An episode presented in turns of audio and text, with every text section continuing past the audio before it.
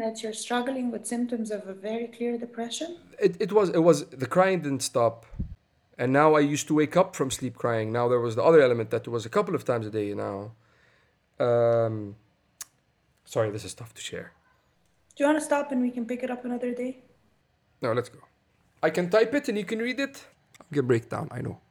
So basically, what you wrote was I used to stand on the balcony every morning and question whether I should jump off today or not. Yes. You were in a lot of pain. Yes.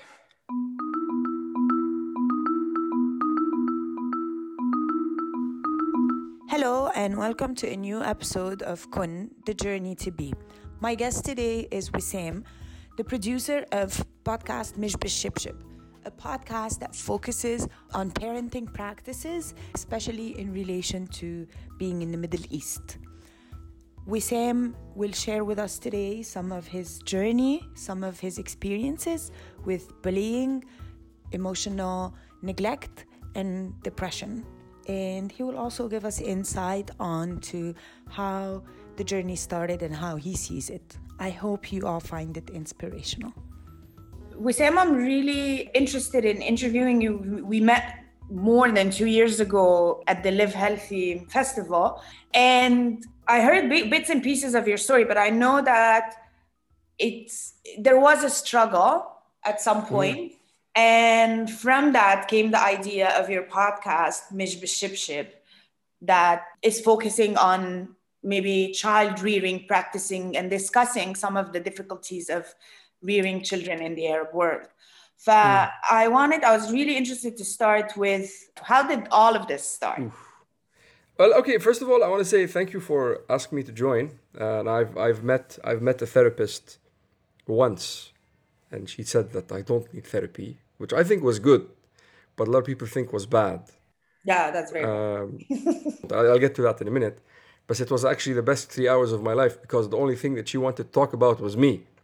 Yeah. Uh, but before I think we, I just want to um, uh, put this out there. You know, I think I'm, I'm not. I'm still. I still know that a lot of what I've been through might not resonate with a lot of people as that's not trauma or that's not sad. I think it's just a a general message of, of kindness that we all experience things differently based on the environment that we're in. So maybe my story with anybody else living in another country will be like, hey, listen, that's not so bad. Why is he complaining?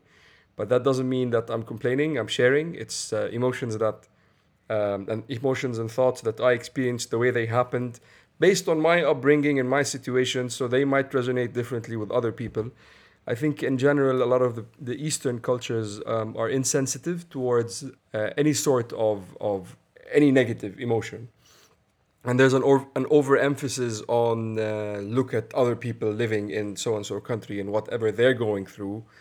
So I, I am aware of that, and I am uh, I know that it's not a big thing. I didn't lose any you know part of my body or part of my family, but that doesn't mean that the emotions weren't real and it's just a message of kindness. I am a bit, you know, careful on on that element, just to put it out there. Um, I don't know if it's. I, I agree with you, but I don't know if it's specific to Eastern cultures because because of my work, I see that. But you know what's very interesting as you're saying, making this comment. Every time I have a client who's sitting in session and they start telling me their story of what they've been through, the first thing they say is, I know it wasn't that bad. I know other people mm. have it worse. I, I think we're yes. all wired to think that, I mean, you have to have had major trauma with a big T to actually mm. earn any kind of compassion. And my response to that is always it's not a competition. Like, we're not yes. as, as to who is having the worst life. Um, certainly is the case. I, I wanted to present that idea before I start as a sort of inviting people to be kind. انه خلصنا it's not that bad but it's not a competition certainly yes certainly uh, the other thing I just want to touch on is I, I do understand that the older generation, and I mean the whole generation, has went through their own set of, of traumas, their own set of mishaps, yes. specifically, you know, Palestine and Iraq and the whole the whole region actually. I mean, the whole region.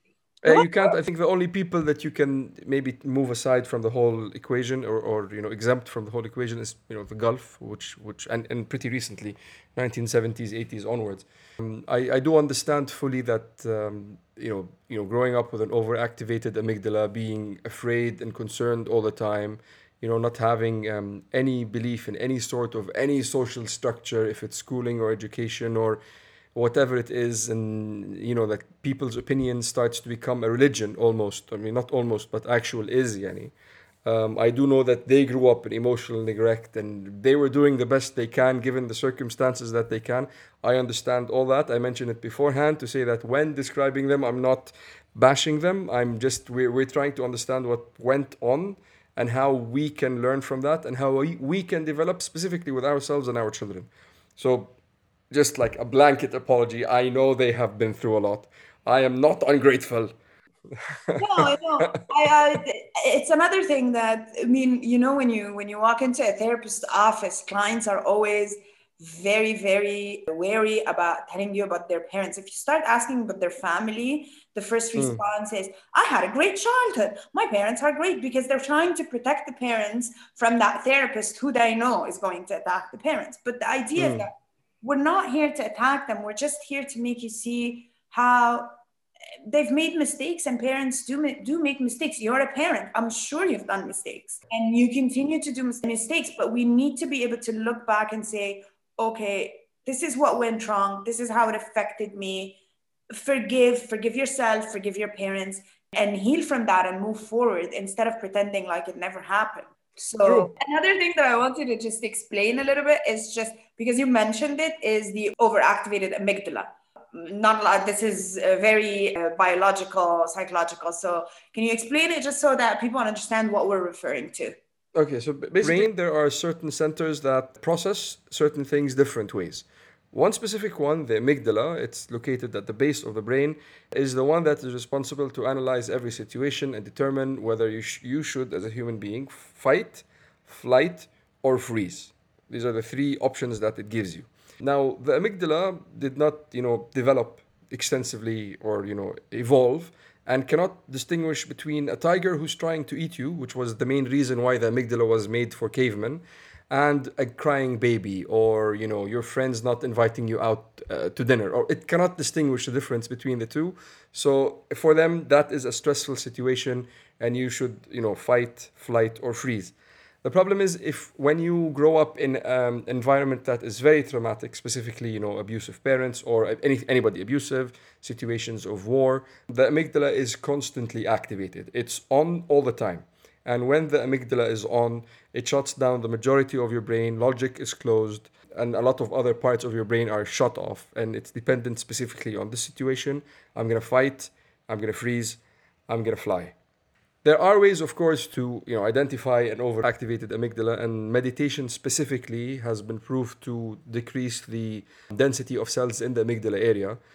Uh, so there are ways to deal with that. But if you grew up in an environment that is highly stressful and from a parent who is, you know, an overactivated amygdala, you can easily identify there's a short leash. You're angry all the time. You're afraid all the time. It's worst case scenario on every single thing. Even like, can I have a glass of water? You're gonna drop it and break it that's an overactivated amygdala.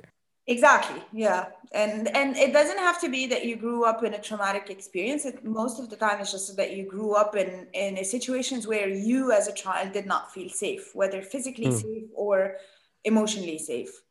So let's get into it. Now that we Very good. Okay. Another small detail. Okay, I have something that's called highly superior autobiographical memory. It's the opposite of amnesia. It's actually hypermnesia I have that. So basically every memory everything that I experienced, it's highly autobiographical. So it's not a photographic memory or something. It's anything that has happened to me, I remember. And I remember clearly who said what, who was wearing what, what time of the day it was, what were, you know, the color of the tablecloth. Memory is not a lane, it's it's a freaking highway. It's all there. It's etched so clearly, so crisply I can flip through it like pages, and sometimes things just get triggered automatically, and the memory is there, and the feeling is there. Deal with it. And I think this is part of the. This is part. Well, it's a blessing. It's it's a great thing because even if I study something, it's autobiographical, so it does have its benefits, and I do utilize it a lot professionally. But it is tough to to handle, specifically in tough childhoods, and uh, especially when there's a lot of bullying. There's a lot of even in social encounters there is some sort of a, a checklist that I can't help but create. I can always flip the pages and start saying, but this happened this and this happened this. And I know every single situation has its own circumstances, but for me, they're all legit. And it's tough being me, but it's also a lot of fun. And I think I wanted to mention this because this was part of why things were difficult. And I think building on that, my first memory, and it's I think um, a defining moment in a lot of things that uh, that were to come after that, was when I was four years old. My so so we're three brothers born three years apart. Okay. Um, so my my older brother, I was four years old. He was five. Uh, he got hit by a car, and actually he didn't get hit by a car. He hit a car. So he was running to cross the road. He hit the car that was just pulling out of the parking, and he broke the driver's arm. The impact, the force of impact, and it was a it was a pistachio colored Buick, 1980s. You know these big metal American cars. He ran so fast, the door broke in, and the driver's arm was broken. Uh, he was in intensive care unit for six, seven days or whatnot. He recovered, everything was okay. But that memory was the first memory. I remember clearly, four years old, standing there, brother running, getting hit by a car. We ran upstairs, told my, my parents were having, you know, the afternoon siesta. They jumped up. A guy who, you know, he was the, the, the car, the guy who was driving the car, put him in the car and drove off to the only hospital in Abu Dhabi at that time. So my mother was um, more or less she was I mean well, not- my mother again the whole generation was more or less very impulsive in the way that they react deal with all situations. If you don't really uh, take a minute to to analyze the situation, try to understand how everybody is feeling, try to decide what's the best course of action. So everything is on the spot, impulsively. This is how I feel now. This is how I should react now. There's an emotional buildup that I don't know what to do with, and this is how I'll react. So, in the impulsive approach to everything in life that the older generation had, an offset of that, or uh, you know, a result of that, was that my brother was able to to take, uh, you know, the empathy, the kindness, the patience, the tenderness, any positive characteristic a person can have, and I was left with everything else. And that was again, it was very impulsive. I'm not I'm not blaming anybody, but this is what I remember at least, and I'll be clear on that because children have different mothers. Mm. So I'm not saying that my mother was a bad mother. I'm saying she was a bad mother to me. So to my brother, she was the best one in the world, and he can vouch on that. But the dynamic was cast. the, the dynamic was cast, and that actually identified the way that a lot of the dealings after that, throughout my childhood into my you know my adolescence, there was always a lot of anger. There was a lot of impatience. There was a lot of uh, you, you- know you're a failure. You're not gonna work. There was sarcasm. There was lack of um, you know there was emotional neglect. Your your feelings weren't uh, important anything you ever and, and you, you can keep on going but we're talking about consistent years of that attitude where very clearly an alternative was being presented and as a result, you had the model child with the good grades and the kindness and the love and the tenderness on the on the one hand, and then on the other hand, you had the bad grades, the loud voice, the bad mouths, the bad habits. And you can't really say is it like is it nurture, is it nature, is this this, is this that, but that was cast. Khalas, that was set. This is it. You're 4. Go on until you're 18. That's the life that you're living. You know, in fact, um, a lot of things that happen and and that's usually what we call like family dynamics is that within within a family system you'll have roles being assigned. So mm. you're going to be the good child you're going to be a bad child and these are done kind of unconsciously or you're going going to be the defiant or one is the emotional container because they are able to contain emotions everybody else in the family doesn't. So you find little roles like that. We find ourselves in little roles like that. And whenever you are within that family system you find yourself falling automatically into that role. And Yeah. then when you move out of the family system in your relationships you find yourself in dynamics where you end up with that Yeah. role yeah. But I, I think that that more or less also identified the, like the, the main demon that i have that i fight with until this day is the question is whether i'm liked or not. That's like that's a defining thing. That's i mean um, consciously now before it was impulsively but consciously now i do know that that's the ultimate question that i need answered. And and it and, and that extended that dynamic like you said it extended. So i was bullied in school and to be honest, my brother was also bullied in school. He wasn't any better because he was overprotected, so his social skills were underdeveloped. But I think that the, the fact that he had that relationship with my mother is what made him pull or push through all these tough situations that he went through. There was an episode that we recorded a while back that was based on Gabor Mate and um, another guy, Neufeld. I forgot his first name. There's a book. It's called Hang On to Your Kids. And it says about the importance of, you know, being an, an attached parent to your kid. It would protect them from all the challenges that they would have f- from life. So it wouldn't protect them from being bullied, but knowing that they have one loving parent in their lives would not let the bullying affect them. But you know, even even throughout summers, we used to go to Lebanon and to Syria. There was also a lot of bullying there because we were sitting ducks to our cousins. You know, they were they, they lived in the streets and they bought from the you know البياعين اللي في الشوارع or they had neighbors and friends and a strong social dynamic for they were much more you know capable and we were from you know Khalij we had our nice shoes and nice clothes and you know we had our playstations but you know we were so gullible it was easy to but we were sitting ducks for the majority of our childhood in the summers so there was turmoil from from kids in school and then turmoil in the summer from cousins. And when things got a bit heated my mother would always come to their defense which was like طب we're the victims here you know and there's a political analogy over there somewhere.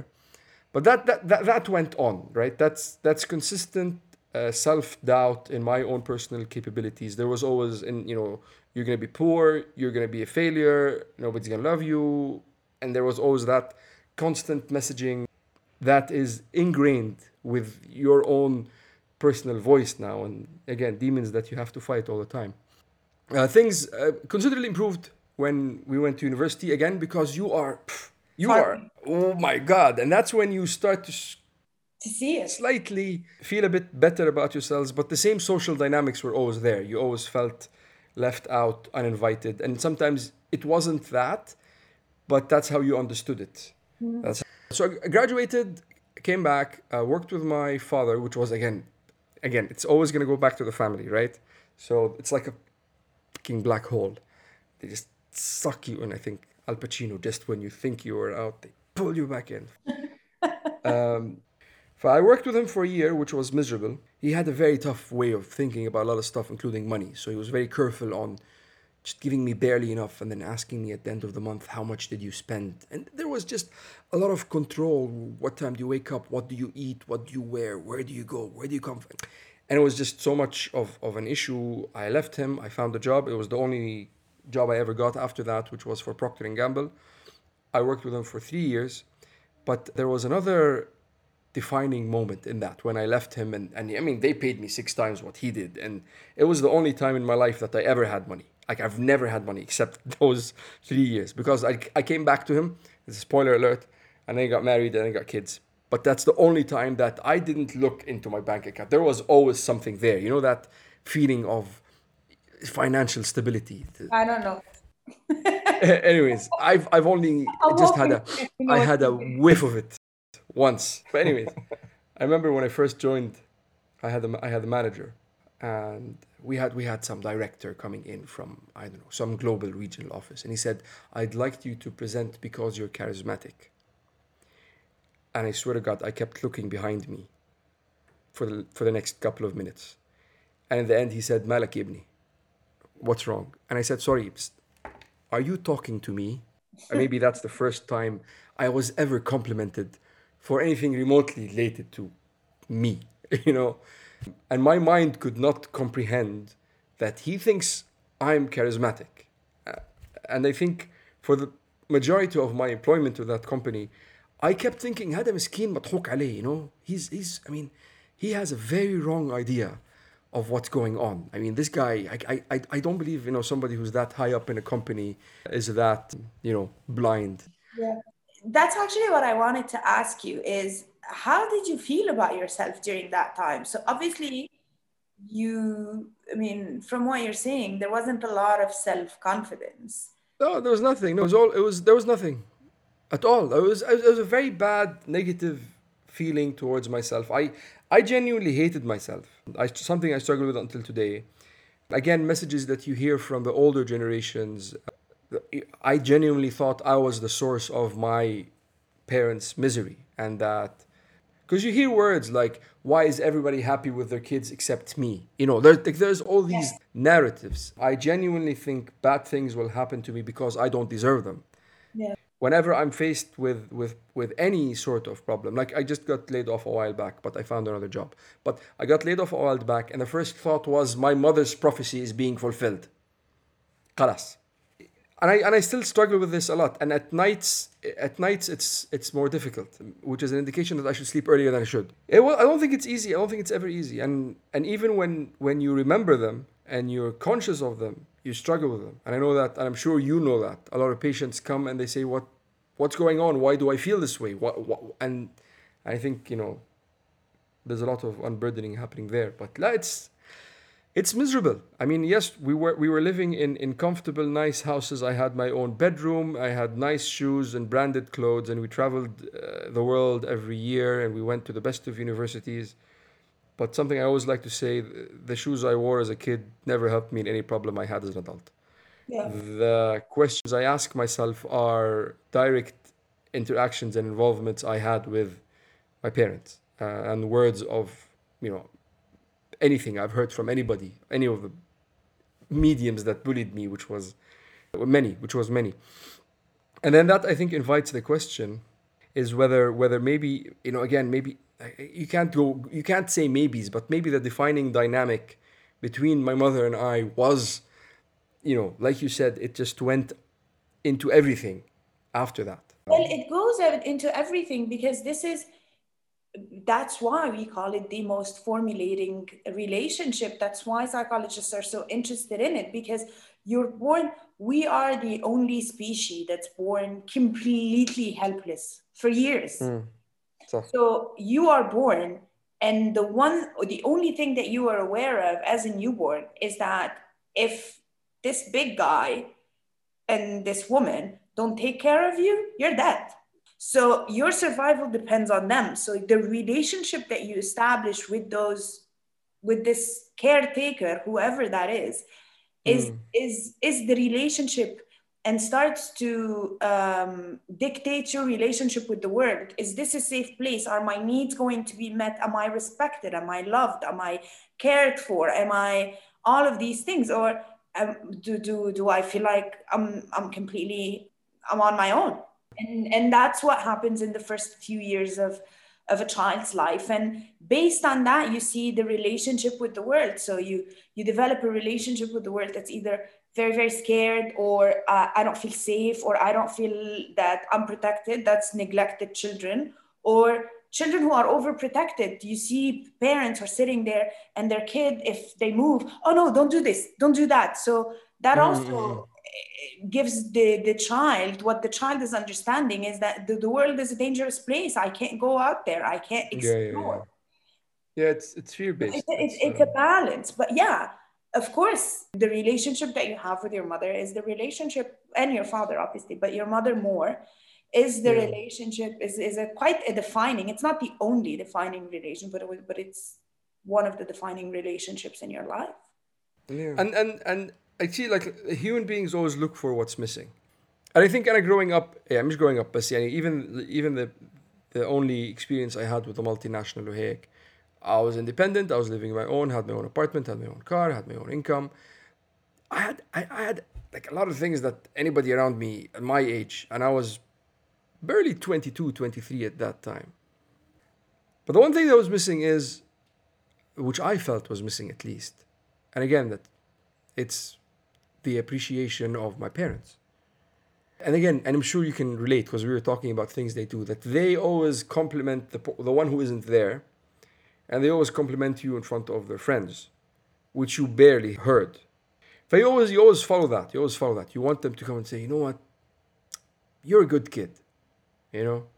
Well, I think given that my experience with my father in the first year of employment was terrible, I said to myself, now with this multinational experience, I can come back and I'll be the knight on the white horse with a shining armor who will blow him away and he'll be so happy and all my problems in life will be satisfied. Which was the biggest mistake of my life. Yani, if you want to come, you come and point your finger somewhere else, say, this is it. And it happened coincidentally with uh, the time I got married. For, you know, you were under the microscope and telescope and magnifying glass and anything that gives any better vision, stethoscope all the time on every single movement and interaction Critique was very big. Why is your daughter's underwear unironed? Why are you looking at my daughter's underwear? Like, خلاص, you know, انه مش it's a fucking underwear يعني ليش يعني it's it's not a t-shirt I could get a t-shirt I wouldn't get underwear like why would I want to you know what I mean like and My it was it that, was so I can hey, hey, it was I don't it understand was, it either it was constant on محفوا عن طيزنا sorry يعني مش فاهم القرف اللي موجود يعني and it, it, it, it kept on going and, and there was and also like financially that whole period uh, let's say 2012 2018 there were bust after bust after bust. Uh, there was a lot of challenges. Work was miserable throughout the whole phase. Uh, but to even add things and make it a bit worse is that you had someone who walks into work every day with a big frown on their face, miserable and angry at everything that is going on with their life. But the only, you know, medium of, of release they have is هالمسكين اللي قاعد trying to make things work انت ما بتعرف تشتغل you don't know how to work it is all your fault this multinational you worked for didn't teach you anything if i had a donkey he would have done maybe i'm exaggerating but accumulatively they all come down to at least three or four sentences of these. Yes. In in the light of everything in the light of again the social element the, the questions and it's it's again it's not intentional. I understand they don't want your misery and they're doing it out of love. And i understand all that but i'm just talking about the effect that it has the way that it makes you feel about your own reality and i think i was i was illusioned for a very long for a very long time and this went on i think for a comfortable four or five years I was illusioned on a number of things because you know, as a human being, you always have certain things that you depend on to feel that you're grounded, like you're sitting on a stool with four legs, right? So you have your social life, you have your your your wife and your kids, you have your parents, you have your work. خلاص أمورك طيبة. يعني don't worry, everything's under control. And maybe I was illusioned. يعني I did have a, a social life, but I never, again, I never felt welcomed. I always felt out of place. I always felt um, uh, like someone who was tagging along. And I always felt that. It was never clear. حرام. Nobody ever said anything that indicated otherwise, but I always felt that, you know, يلا, I was tagging along. يلا خلاص ما we know him since high school هو موجود معنا في نفس he's in the same city يلا we'll all get along together and this went this went on until a defining moment happened um, and this was the beginning of the beginning of the end well the beginning of the beginning before the end because because you went down and then you went up so it was the beginning of the down I know what you want to call it. I mean, I'm not big on labels. I mean, you know that. Yeah. But, uh, but, but, but I want to take you back to some point that you made is, is that what that constant criticism does especially at a young age when you have one one golden child and one who's not that much of a golden child or whatever mm. but that's that makes you like what you're describing is that constant feeling of i'm not good enough but and eh, but that also there was this constant trying to escape that feeling by saying by trying if i do one better if I go to work for my dad and I do well, if I get this job, if I get these grades, if I get married and I have kids, like, there's something that I'm gonna do that is gonna make them see that I'm enough or what I'm doing is enough, and then mm. and then it doesn't happen. It doesn't happen. You, you mentioned critique. Yes, critique is one of them, but blame is also another. Blame, of, of course, of course, yeah. yeah. Not only are you you criticized because you know your life is wrong but you are the reason why my life is wrong يعني انه مش فاهم مين هل يعني ما بعرف شو what's this life يعني انه I'm miserable on myself and on you مش it's not that ما بعرف but that was the conversation that we had before we pressed record which is basically everybody in this side of the world is so enmeshed it's like you have no mm. self you don't you're you're they see you as an extension especially the parents they see you as an extension of them so you are a reflection of me which is not true i'm not yeah. a reflection of you i'm just me so yeah i i it, I know I think it's very important that we have these conversations and yeah. um, I think all philosophies and all religions and all you know ways of thinking, even the new modern age yoga, meditation, mindfulness approach, is all more or less trying to say the same thing is that you as a human being need to elevate from your impulsive thinkings and teachings and, and, and whatever it is and look at things from a different perspective. And yes, definitely being having that that idea that you belong to your parents and your kids belong to you and we are all an extension of each other and what other people do directly impact me and my and how I'm viewed I think is one of the biggest problems in, in, in, in our societies today. Oh, well, uh, again, I'm not saying that the West is better. Again, this is like, oh, شوف الغرب. Okay, no, we're saying look at us and let's us improve in a vacuum, which isn't possible, but let's assume that.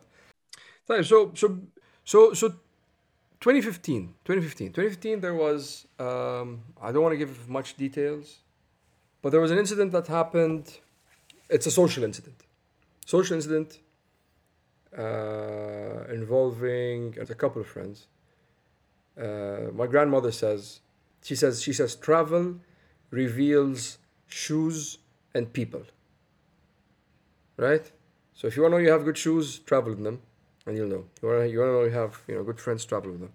So it involved travel, involved a couple of friends, and there was um, extensive public. Okay, what I experienced. Let's so keep our biases in check. What I experienced uh, was um, extensive public uh, bullying. This was someone who was 34 years old.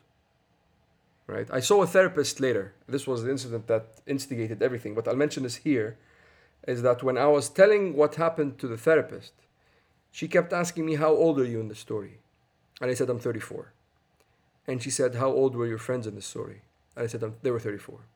She said, Okay, close your eyes. I close my eyes. She says, Okay, tell me what happened. And I'll explain to her the incidences. And she says, Okay, when was this? And I say, Seven months ago. Her, she could, she thought I was reliving a childhood trauma. Misham said She did not believe that at 34 I was going through this. you know, she was doing this whole, uh, I don't know what you call it, ESL something thing, whatever. Close your eyes and. بعدين she's like, sorry, بس but I, I want to understand this. This happened seven months ago with you. I said, yes. She said, I don't believe that. you know, I would have believed it if they were 12, maybe 13. but there was there was constant public bullying, uh, ridicule in front of strangers. But hey, my bad if I don't know what was going on. I think I I, I, I can I can I can understand what was going on. I don't want to say it because it's presumptuous. But it was it was constant and there was mixed messages on a number of fronts ودي was these were people كنا لما نخلص نقوم نصلي العشاء مع بعض يعني فit was there was a lot of contradiction there was a lot of constant like things that were going on and in the last day there was shouting and there was insults being thrown and this sort of thing happened and it was like a blur were you on the uh, family or were you on the trip just the guys yeah just the guys we were on a fundraising uh, cycling challenge that happened in uh, in Amsterdam, and it, and the interesting thing is we didn't go together. Like, I signed up for it and then found out later on that they did.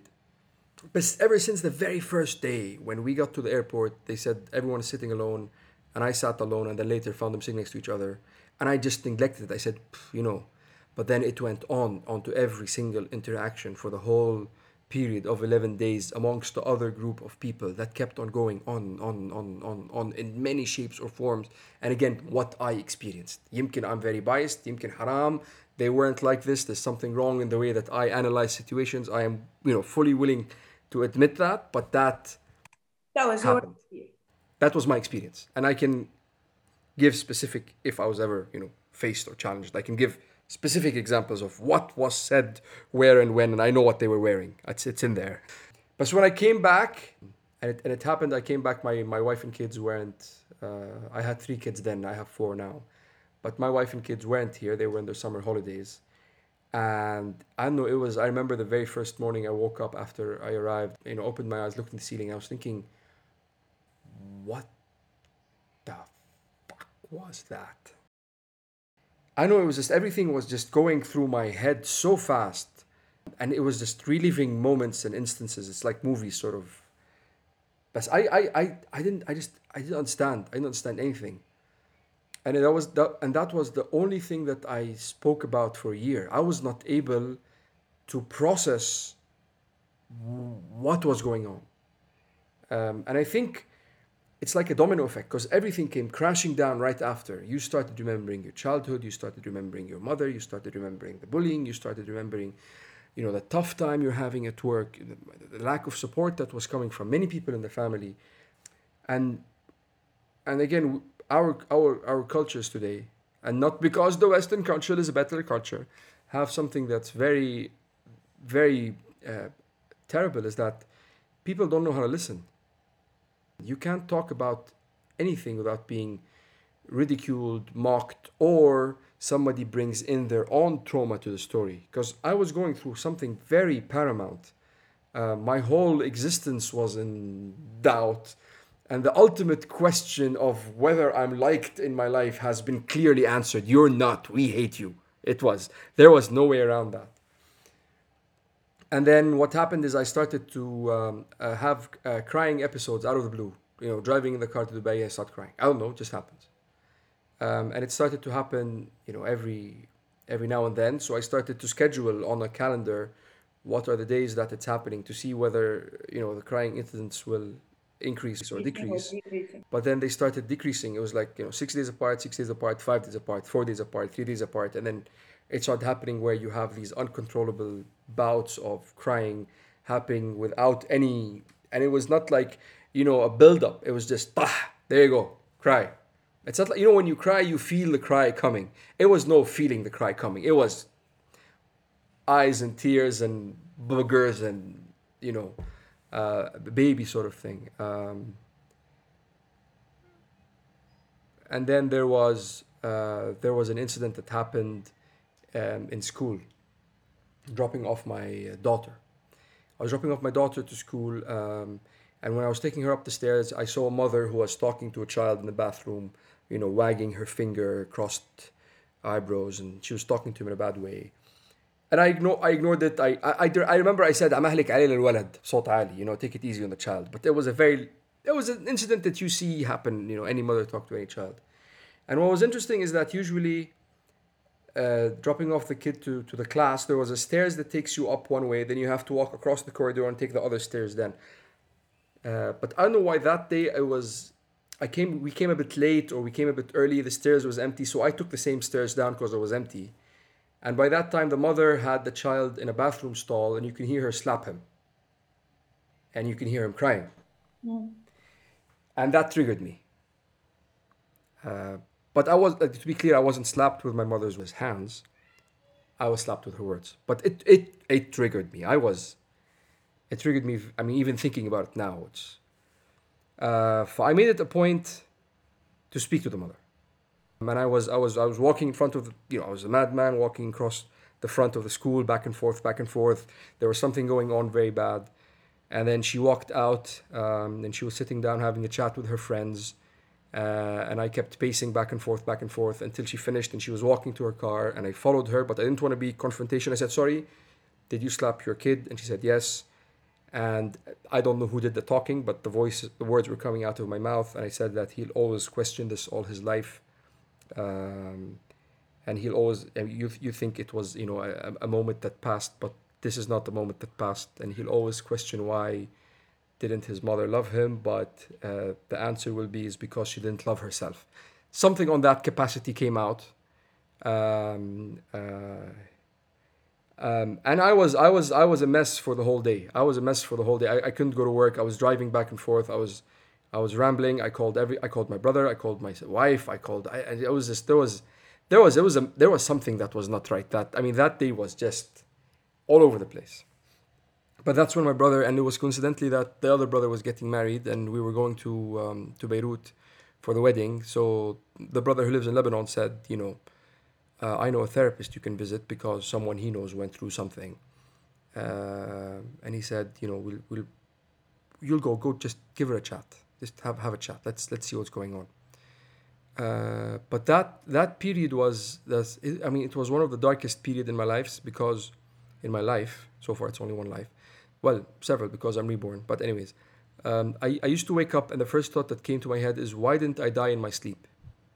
I, I must say that the only ray of sunshine in all this was my wife. I must mention it. Um, there was no judgment. There was no questions. There was nothing. There was just patience. There was nothing. There was nothing. There was no questions. no suggestions. Why don't you do this? I think you. There, there was nothing. It was just a shoulder there, and a, you know, I think that's confidently the best thing that has ever happened in my life, is that, which is my wife, my marriage. But Do everything else was. find that you're struggling with symptoms of a very clear depression? Yeah, yeah. But la, um, it, it was it was the crying didn't stop. Um, and now I used to wake up from sleep crying. Now there was the other element that was a couple of times a day now. Um,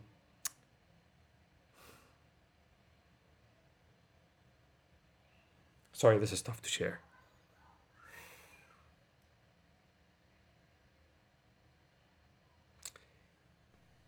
Do you want to stop and we can pick it up another day? No, let's go. The next one is the tough one. Next sentence is tough. Give me a minute. Yeah, just give me a minute.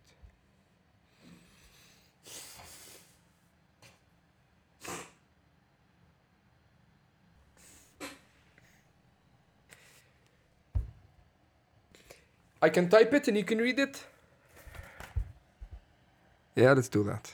I don't think it's gonna come out. We don't have to put it. I mean, it's your story. You share what you feel comfortable with. Yeah, I'm comfort. No, no, I'm comfortable in sharing, but I don't think it's gonna come out. I'm gonna break down. I know. There you go. So basically, what you wrote was I used to stand on the balcony every morning and question whether I should jump off today or not. Yes. You were in a lot of pain. Yes. Okay. Give me a minute, okay? Okay. All right. So that was the worst. It gets better. Yes. but just reliving it is. Type. So the therapist, we went, we saw the therapist, three sessions. Um, and in the end of it, she said, um, I've never met anybody who had such clarity on what was on what's going on in their life.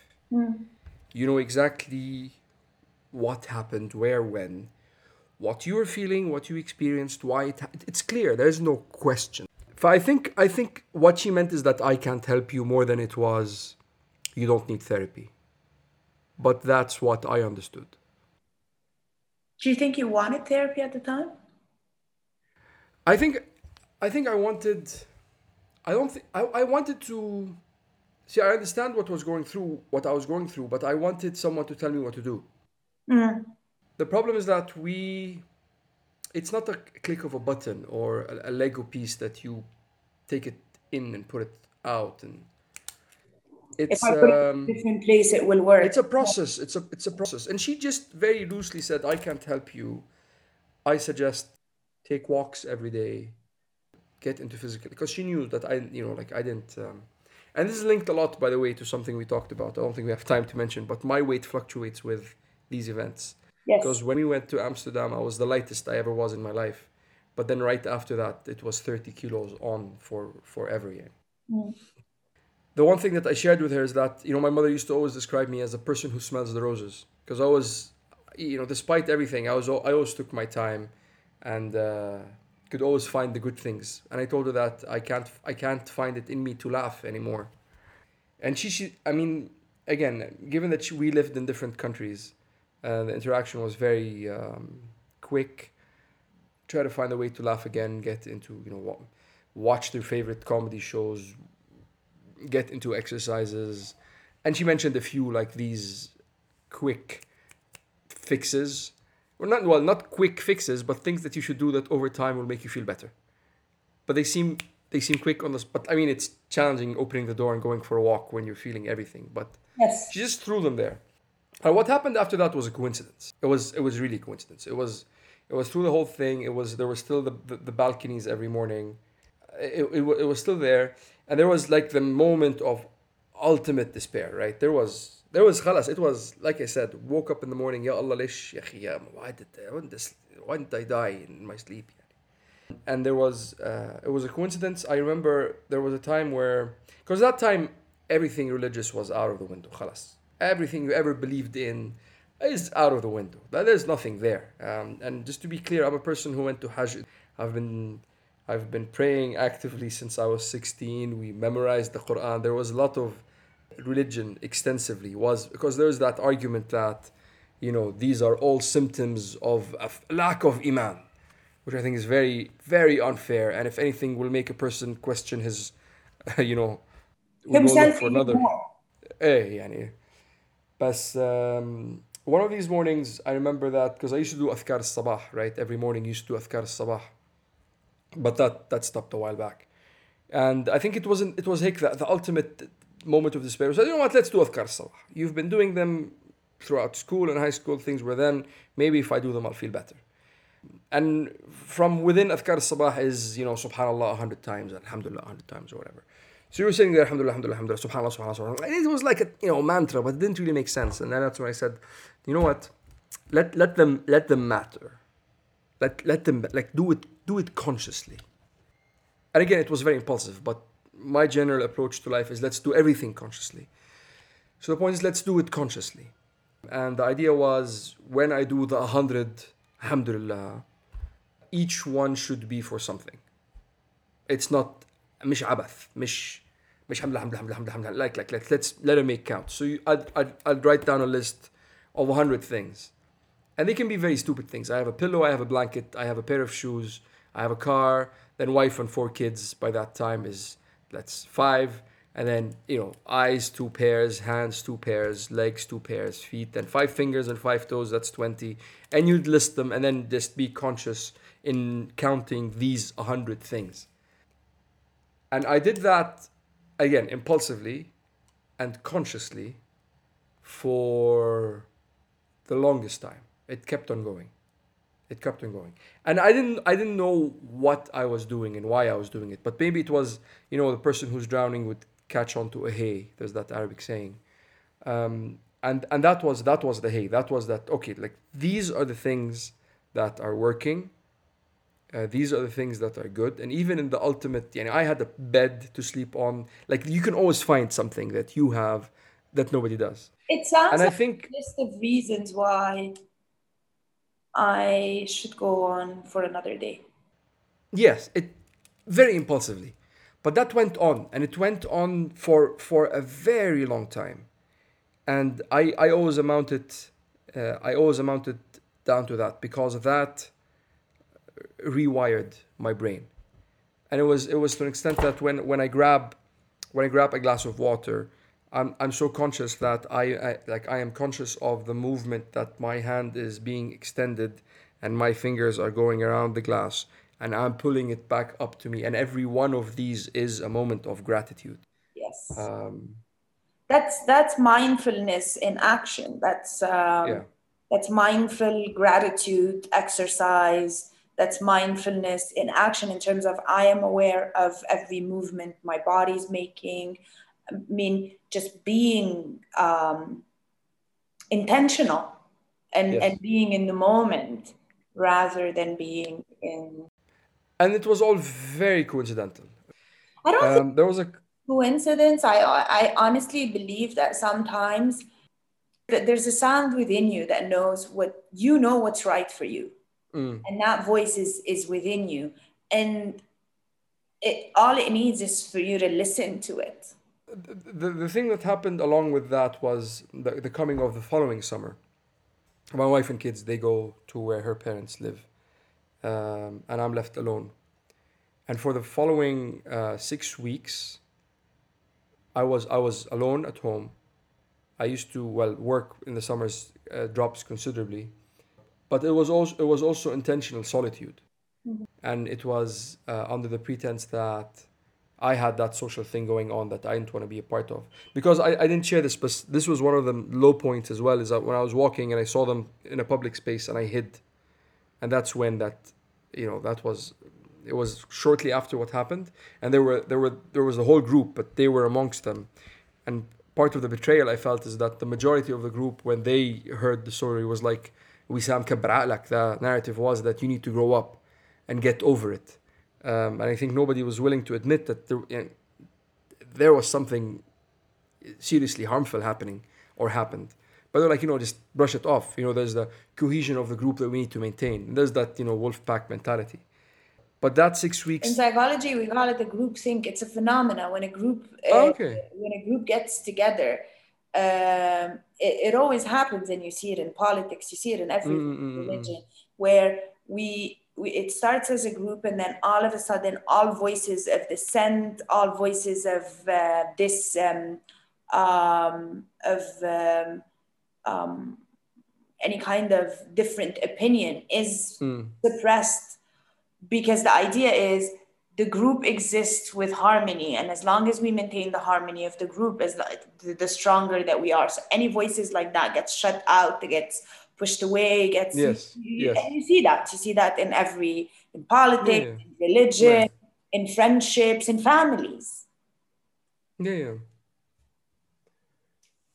For for for for the for that six weeks stretch of time, um, maybe I should have said this in the beginning, but I've always wanted to be a writer.